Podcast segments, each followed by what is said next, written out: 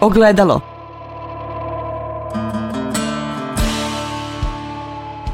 Podcast Autonomije.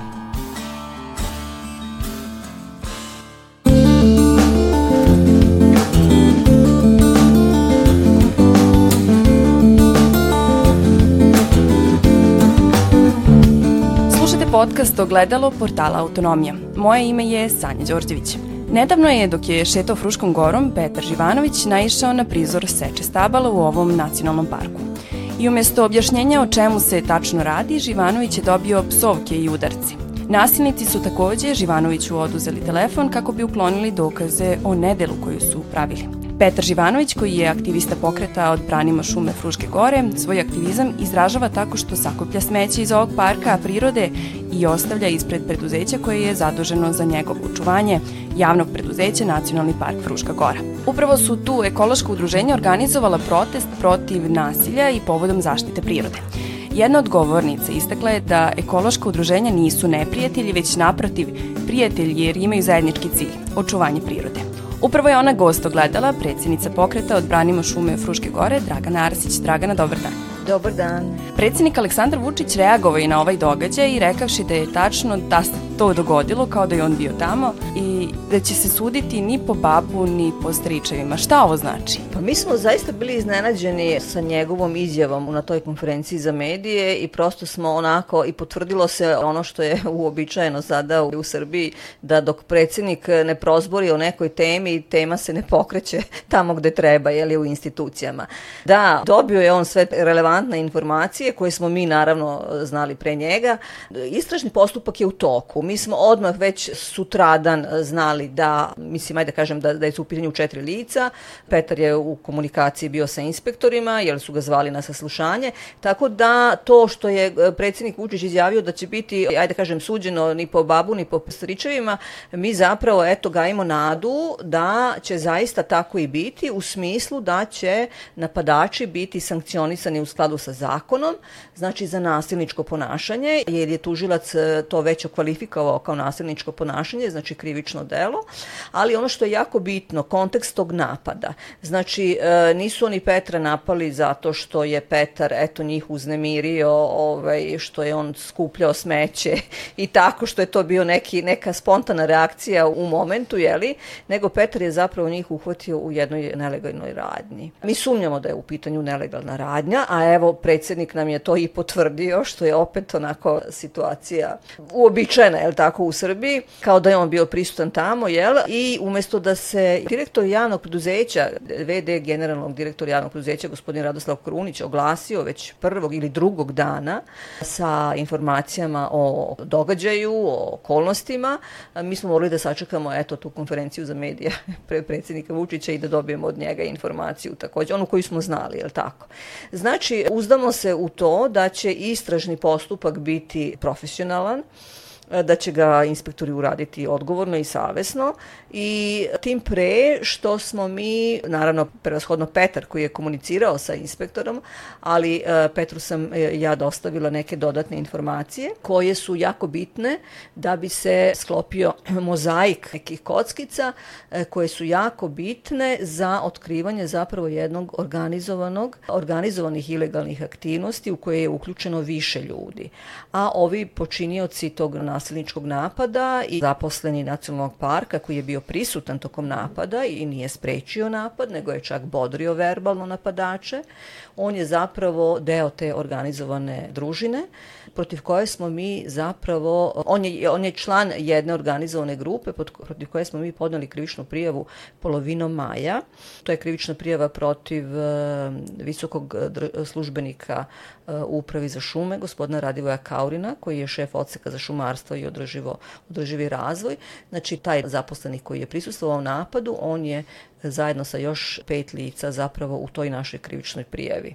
Tako da jako je bitno upravo da se rasvetli ovaj nasilnički, ovaj napad na Petra u kontekstu toga da je e, zapravo on bio svedok jedne nelegalne e, šumarske aktivnosti. Da se fokus ne ostavi na nasilje, nego da Tako se proširi je Tako je, kontekst. tako je, jer ovo je zaista crvena linija, mi postojimo već dve i po godine i e, napadani, napadani smo na verbalne načine i u mrežama, ali ovo je sada, ovaj fizički napad je zapravo onako data i poruka zapravo ekološkim aktivistima šta ih čeka ukoliko nastave da se bave ovaj svojim svojim aktivizmom na ovaj dosledan i, i zaista način neodustajanja. Čak i predsednik, vraćamo se na njega, reagovao na događaj tako što je osudio RTS zato što je RTS napravio prilog o protestu i generalno o događaju koji ste vi organizovali da. i vas je nazvao neprijateljima, na neki način neprijateljima državine zato što ste finansirani od spolja. Zašto lepljenje etikete? Pa to je uobičajena praksa i naravno to je to mantranje koje mi već godinama unazad slušamo, znači od strane službenika državnih ili tako na čelu sa predsednikom pa, pa dalje, čak i do službenika nacionalnog parka, jel, zaposlenih. Da, to je interesantno zaista kada smo mi videli da, da je na naš skup došao i da je prisutna i RTS ekipa, naravno jako smo se obradovali, ali je postojala skepsa da ono što oni naprave da verovatno neće biti objavljeno u dnevniku, jer mi imamo imamo jedno, ajde da kažemo, lepo iskustvo sa, sa novinarom Milanom Srdićem, koji je takođe napravio jedan, jedan dobar prilog vezano za Kesten, znači 2020. godine. Prvi je zapravo izašao na teren sa nama i napravio taj prilog, ali taj prilog nikada nije ugledao svetlo dana, a bio je planiran kao prilog za, za dnevnik 2. Tako da njegovo prisustvo je bilo ono kao super, ali da li će nešto biti objavljeno. I sutradan, kada je objavljen taj prilog, zaista e, jako dobar prilog, naravno u kontekstu, širem kontekstu napada na, na, na više ekoloških aktivista, ne samo vezano za, za pokret od Branima šume Fruške gore. Imali smo i dalje tu sumnju da možda to baš i neće tako jednostavno ovaj, proći, u smislu bez reakcija ovaj, uh, sa nekih viših, viših instanci, ali sam zapravo ja negde u, u, u malom mozgu imala možda čak i ideju da su oni dobili, RTS da je dobio neko zeleno svetlo da malo popuste po pitanju ekološkog aktivizma i, i, i aktivista, jeli? Međutim, eto, napravili su profesionalan prilog, ali je predsednik Vučić to karakterisao kao eto da se RTS sada zapravo prednjači u kampanji protiv države i da se stavio na, na eto tako na onu stranu kako to radi N1 i, i ostali mediji, što je zaista skandalozna izjava, jer e, vidi se definitivno da kad god je RTS e, objavio događaj, zapravo činjenicu o nekom događaju, jeli, sa jednim ajde da kažem, neutralnim komentarom, u smislu to se desilo i bilo je tako i tako, jeli? E, to je onda signal za, za napad sa najvišeg vrha da RTS zapravo ne radi posao ove kako treba. Tako da, eto, to je interesantno iskustvo koje smo imali. Strašno je to što je Petar doživeo, to kroničko, taj kronički napad i to udaranje i obaranje na zemlju i sve ostalo.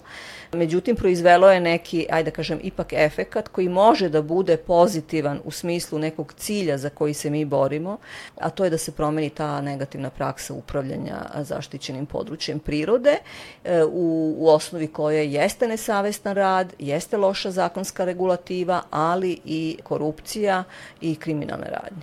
Zašto država vidi ekologe kao državne neprijatelje? Da, mi smo u tom predsjednikovom obraćanju okarakterisani kao, kao strani plaćenici, da, to, to ste me i pitali.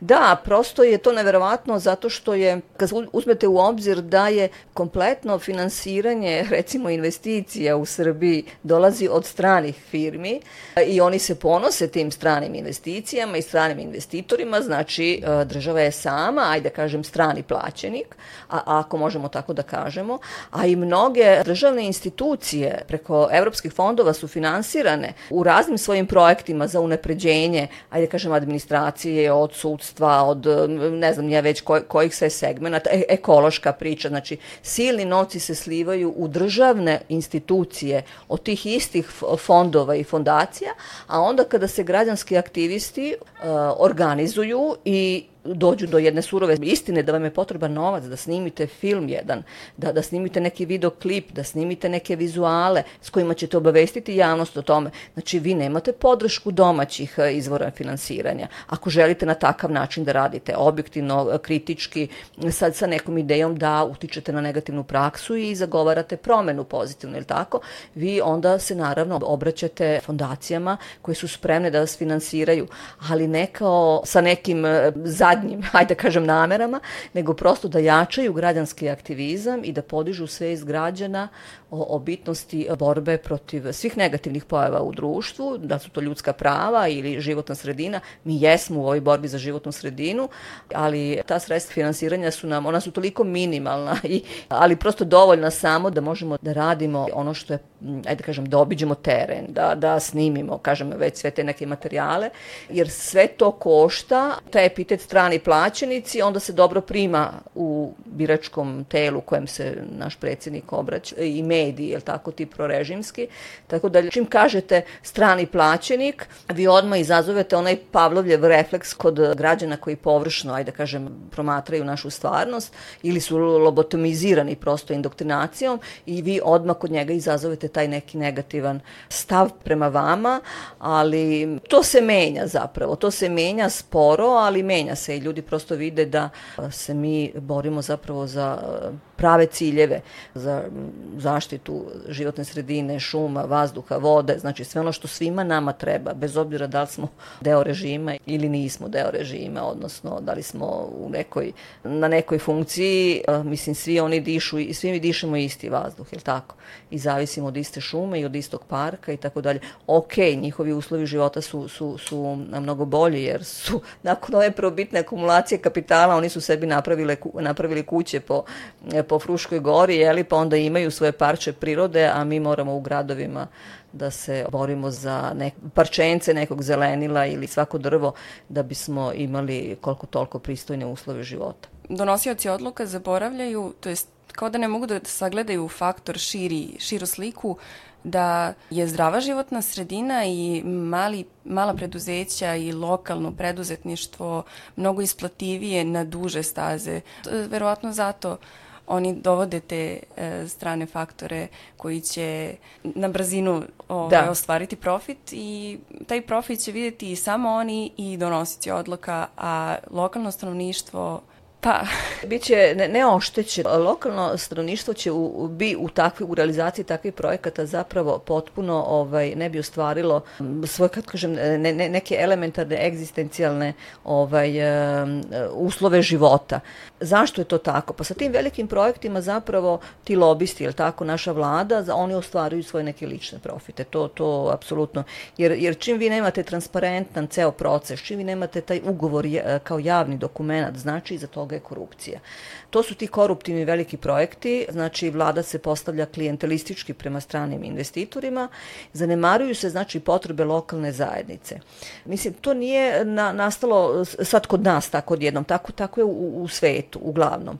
Doneta je recimo Arhuska konvencija vezana za prava lokalne, e, prava građana na informacije o svojoj životnoj sredini, prava na, na zapravo na to da e, zajednica bude pitana o svim onim projektima koji se dešavaju, koji, koji, bi, koji će se realizovati u, nje, u ovaj, životnoj sredini, jel tako, te lokalne zajednice i pravo lokalne zajednice na pravnu zaštitu. Znači, prepoznato je to u svetu kao problem da prosto ni vlade, ni, ni investitori ne vode računa o lokalnoj zajednici. I zato je to neko, ajde kažem, na, na nivou Evrope, je tako, doneta ta Arhuska konvencija koja, će, koja zapravo ima u, u funkciju da ojača tu borbu ove ovaj, lokalne zajednice za svoja prava. Mi vidimo da to kod nas ne funkcioniše. Ta Arhuska konvencija je ratifikovana kod nas pre nekih, ne znam ja, možda jedno deseta godina. E, ona ne funkcioniše. Zato su prosto sada ljudi na delu sami suočeni sa tim problemom i sa mogućnošću da će biti potpuno zbrisani sa tog prostora, da će ih raseliti. Prosto uzeli stvari u stvore ruke i bore se protiv tog rudnika. Veliki borac Marija Alimpić iz Udruženja Zaštitimo Jadar i Rađevinu, oni imaju jednu jako jednostavnu, ajde da kažem, rečenicu, rudnika neće biti. Prosto ljudi tamo mora da im to uđe u svest, da rudnika ne sme da bude tamo. E, jer prosto e, alternativa rudniku jeste da se ta priroda, ta bogom dana, znači plodna zemlja, bude zapravo dalje da je, da koriste ljudi na onaj način koji je održiv, koji je održiv e, za njih kao zajednicu i koji je zapravo nešto najvrednije danas u svetu Danas se traži organski čisti proizvod, med, da danas se traži uh, ekološki turizam, etnoturizam, znači sve ono što je, uh, ima taj neki na, na, natura oblik, to je nešto što je na ceni. I mi umesto da na takav način posmatramo našu prirodu, mi zapravo pribegavamo onome što zapravo e, u najnerazvijenim zemljama dominira, a to je taj uh, eksploatacijski model prema resursima.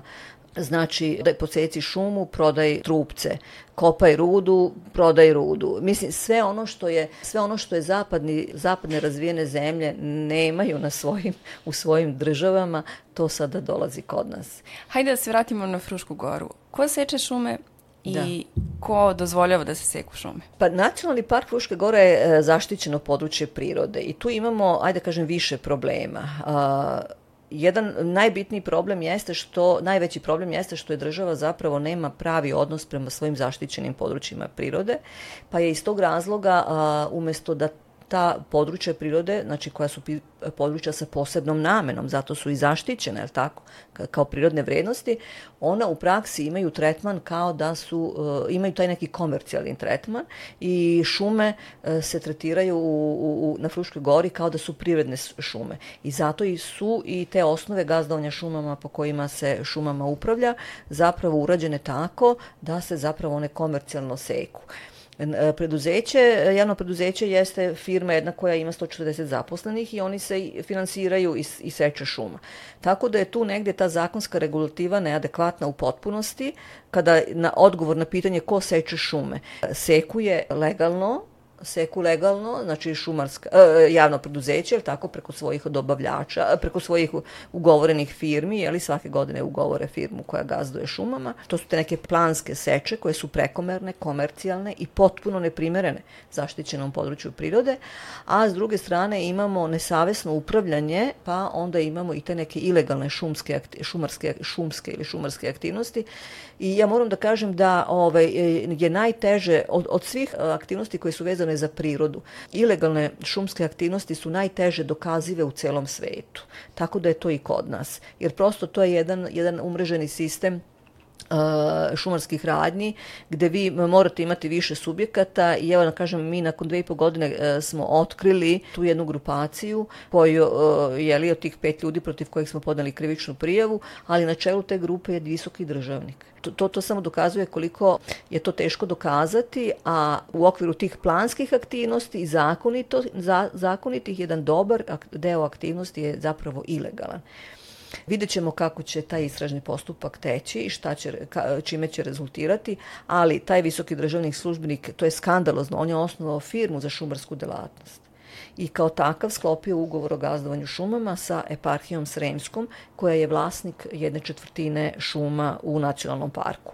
Ali je on u sukobu interesa i on je onda, naravno, e, tu je prisutna i trgovina uticajem, jer je on onda organizovao nekoliko firmi, naravno svojih poznatih ljudi, ovaj, koje onda rade uh, sve poslove uh, u, u, i, u, u tim šumarskim delatnostima, od označavanja stabala, od označavanja stabala, stavljanja u promet i tako dalje. Znači, ceo jedan lanac koji se završava u strugari.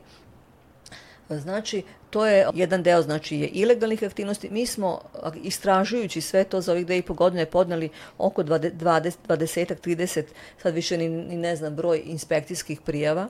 Sve su one opravdane, e, znači jedan deo prijava je išao prema šumarsko-lovnoj inspekciji, drugi deo je išao prema e, inspekciji za zaštitu životne sredine i neki od njih su procesu, imaju i sudski nek, epilog, Uh, jedan sudski epilog je da je jedan, jedan preduzetnik koji je sekao u, prvom, u režimu prv, prvog stepena zaštite uh, kažnjen jednom novčanom kaznom, što je stvarno mizerno, sa 250.000 dinara.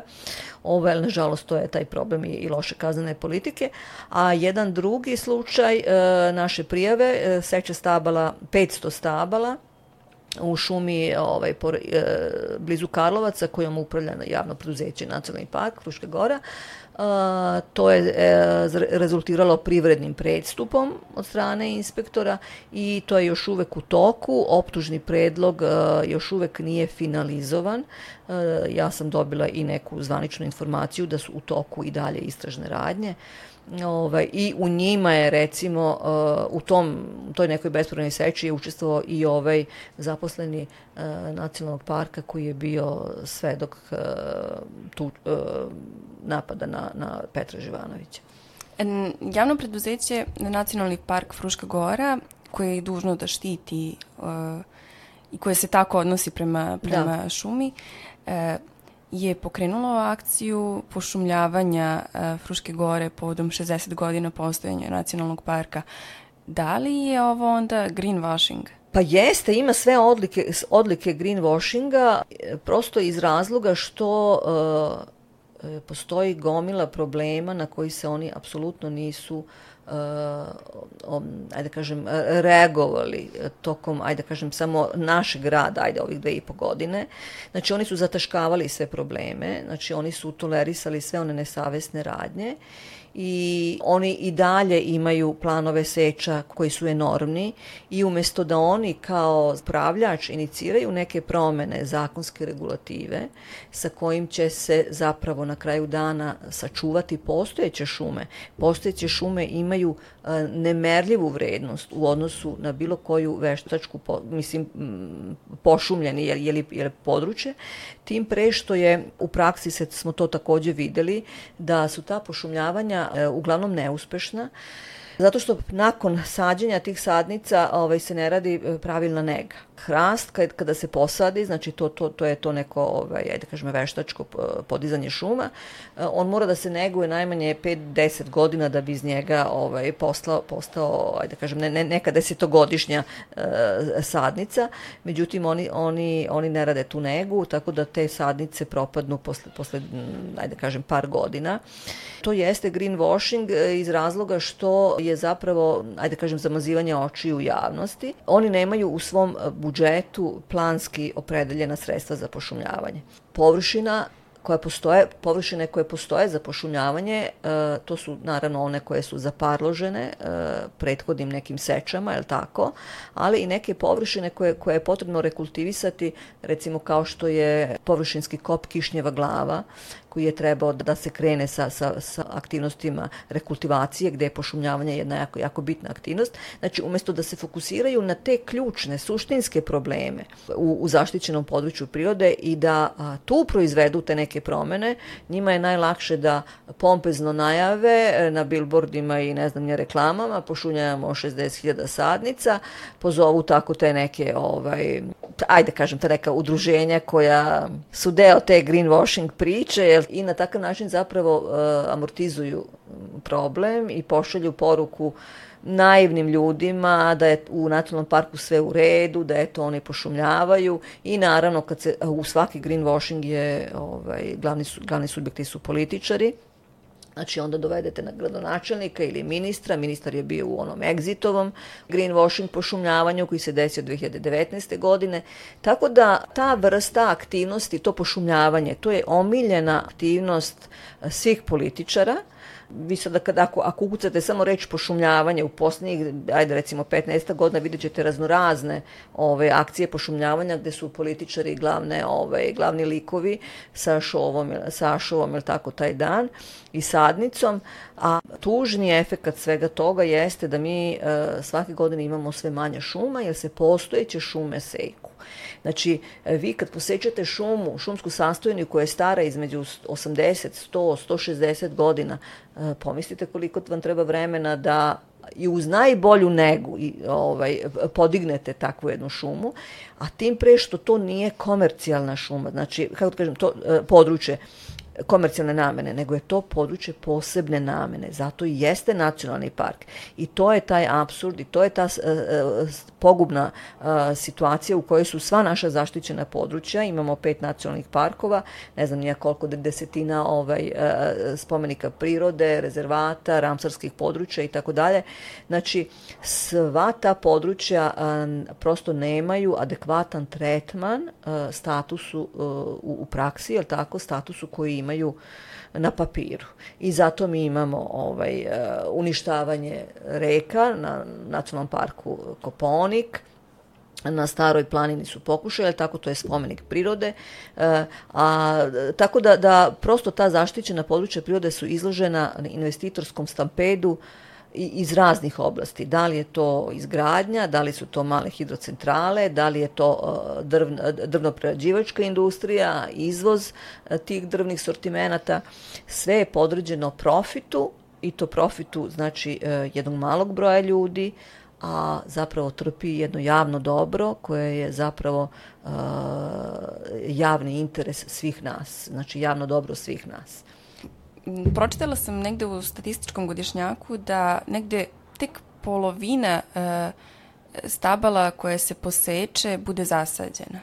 I to je to što ste vi rekli, pitanje da li se vodi računa i na koji način se vodi računa o njima i koliko će godina biti potrebno da se obnovi uh, ekosistem da. naročito na Fruškoj gori koja je specifična po tome što ima poseban ekosistem. Šume stradaju od seče, ali šta, stradaju od požara, što smo videli u prethodnih nekoliko dana širom sveta gore šume, da li postoji šansa, da li je to jedan od većih rizika za Frušku goru? Pre nego što odgovorim na to pitanje, e, samo moram da vam kažem ovako da e, šuma nije samo drveće, ono koje mi vidimo. Šuma je jedan kompleksan šumski, e, je jedan ekosistem u kojem imamo vidljivi biodiverzitet, ali i onaj nevidljivi, ali koji ima neverovatnu funkciju u održanju celog tog ovaj sistema.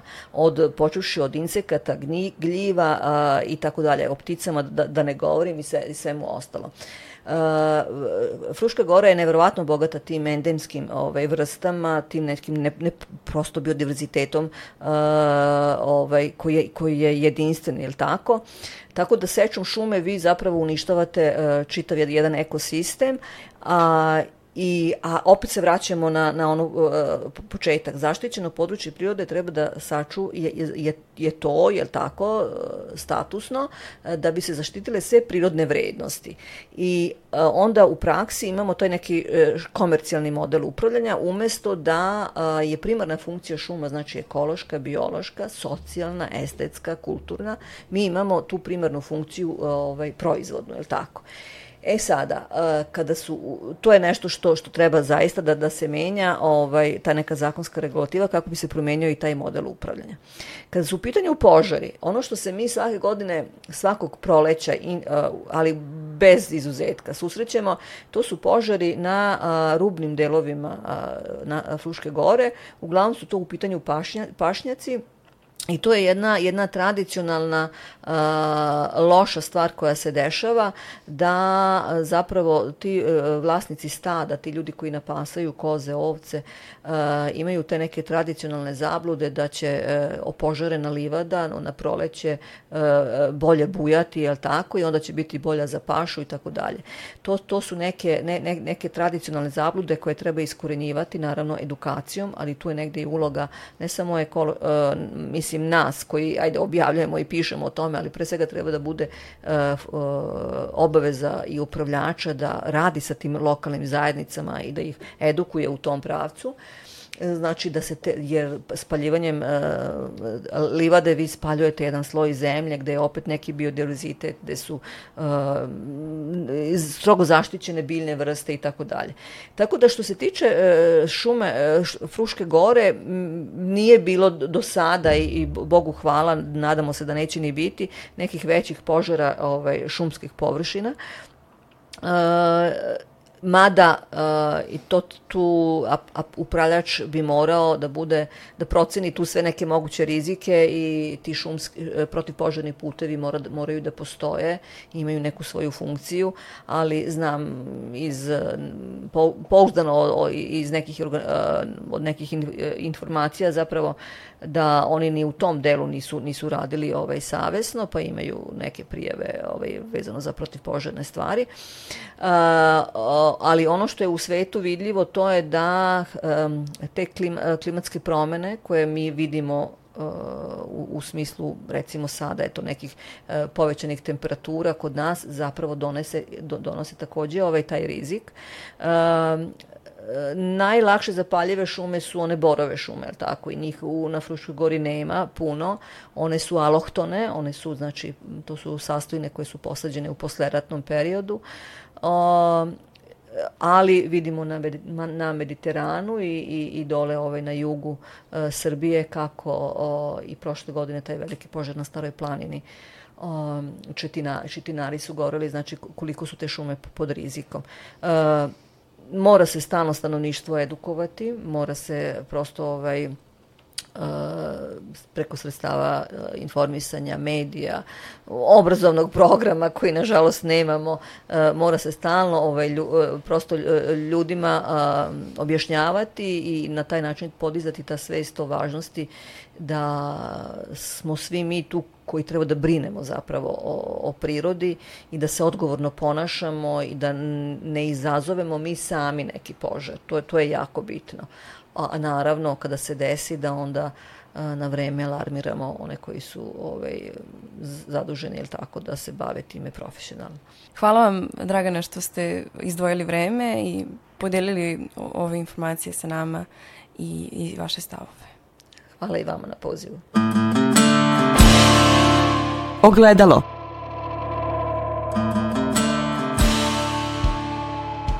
Podcast Autonomije.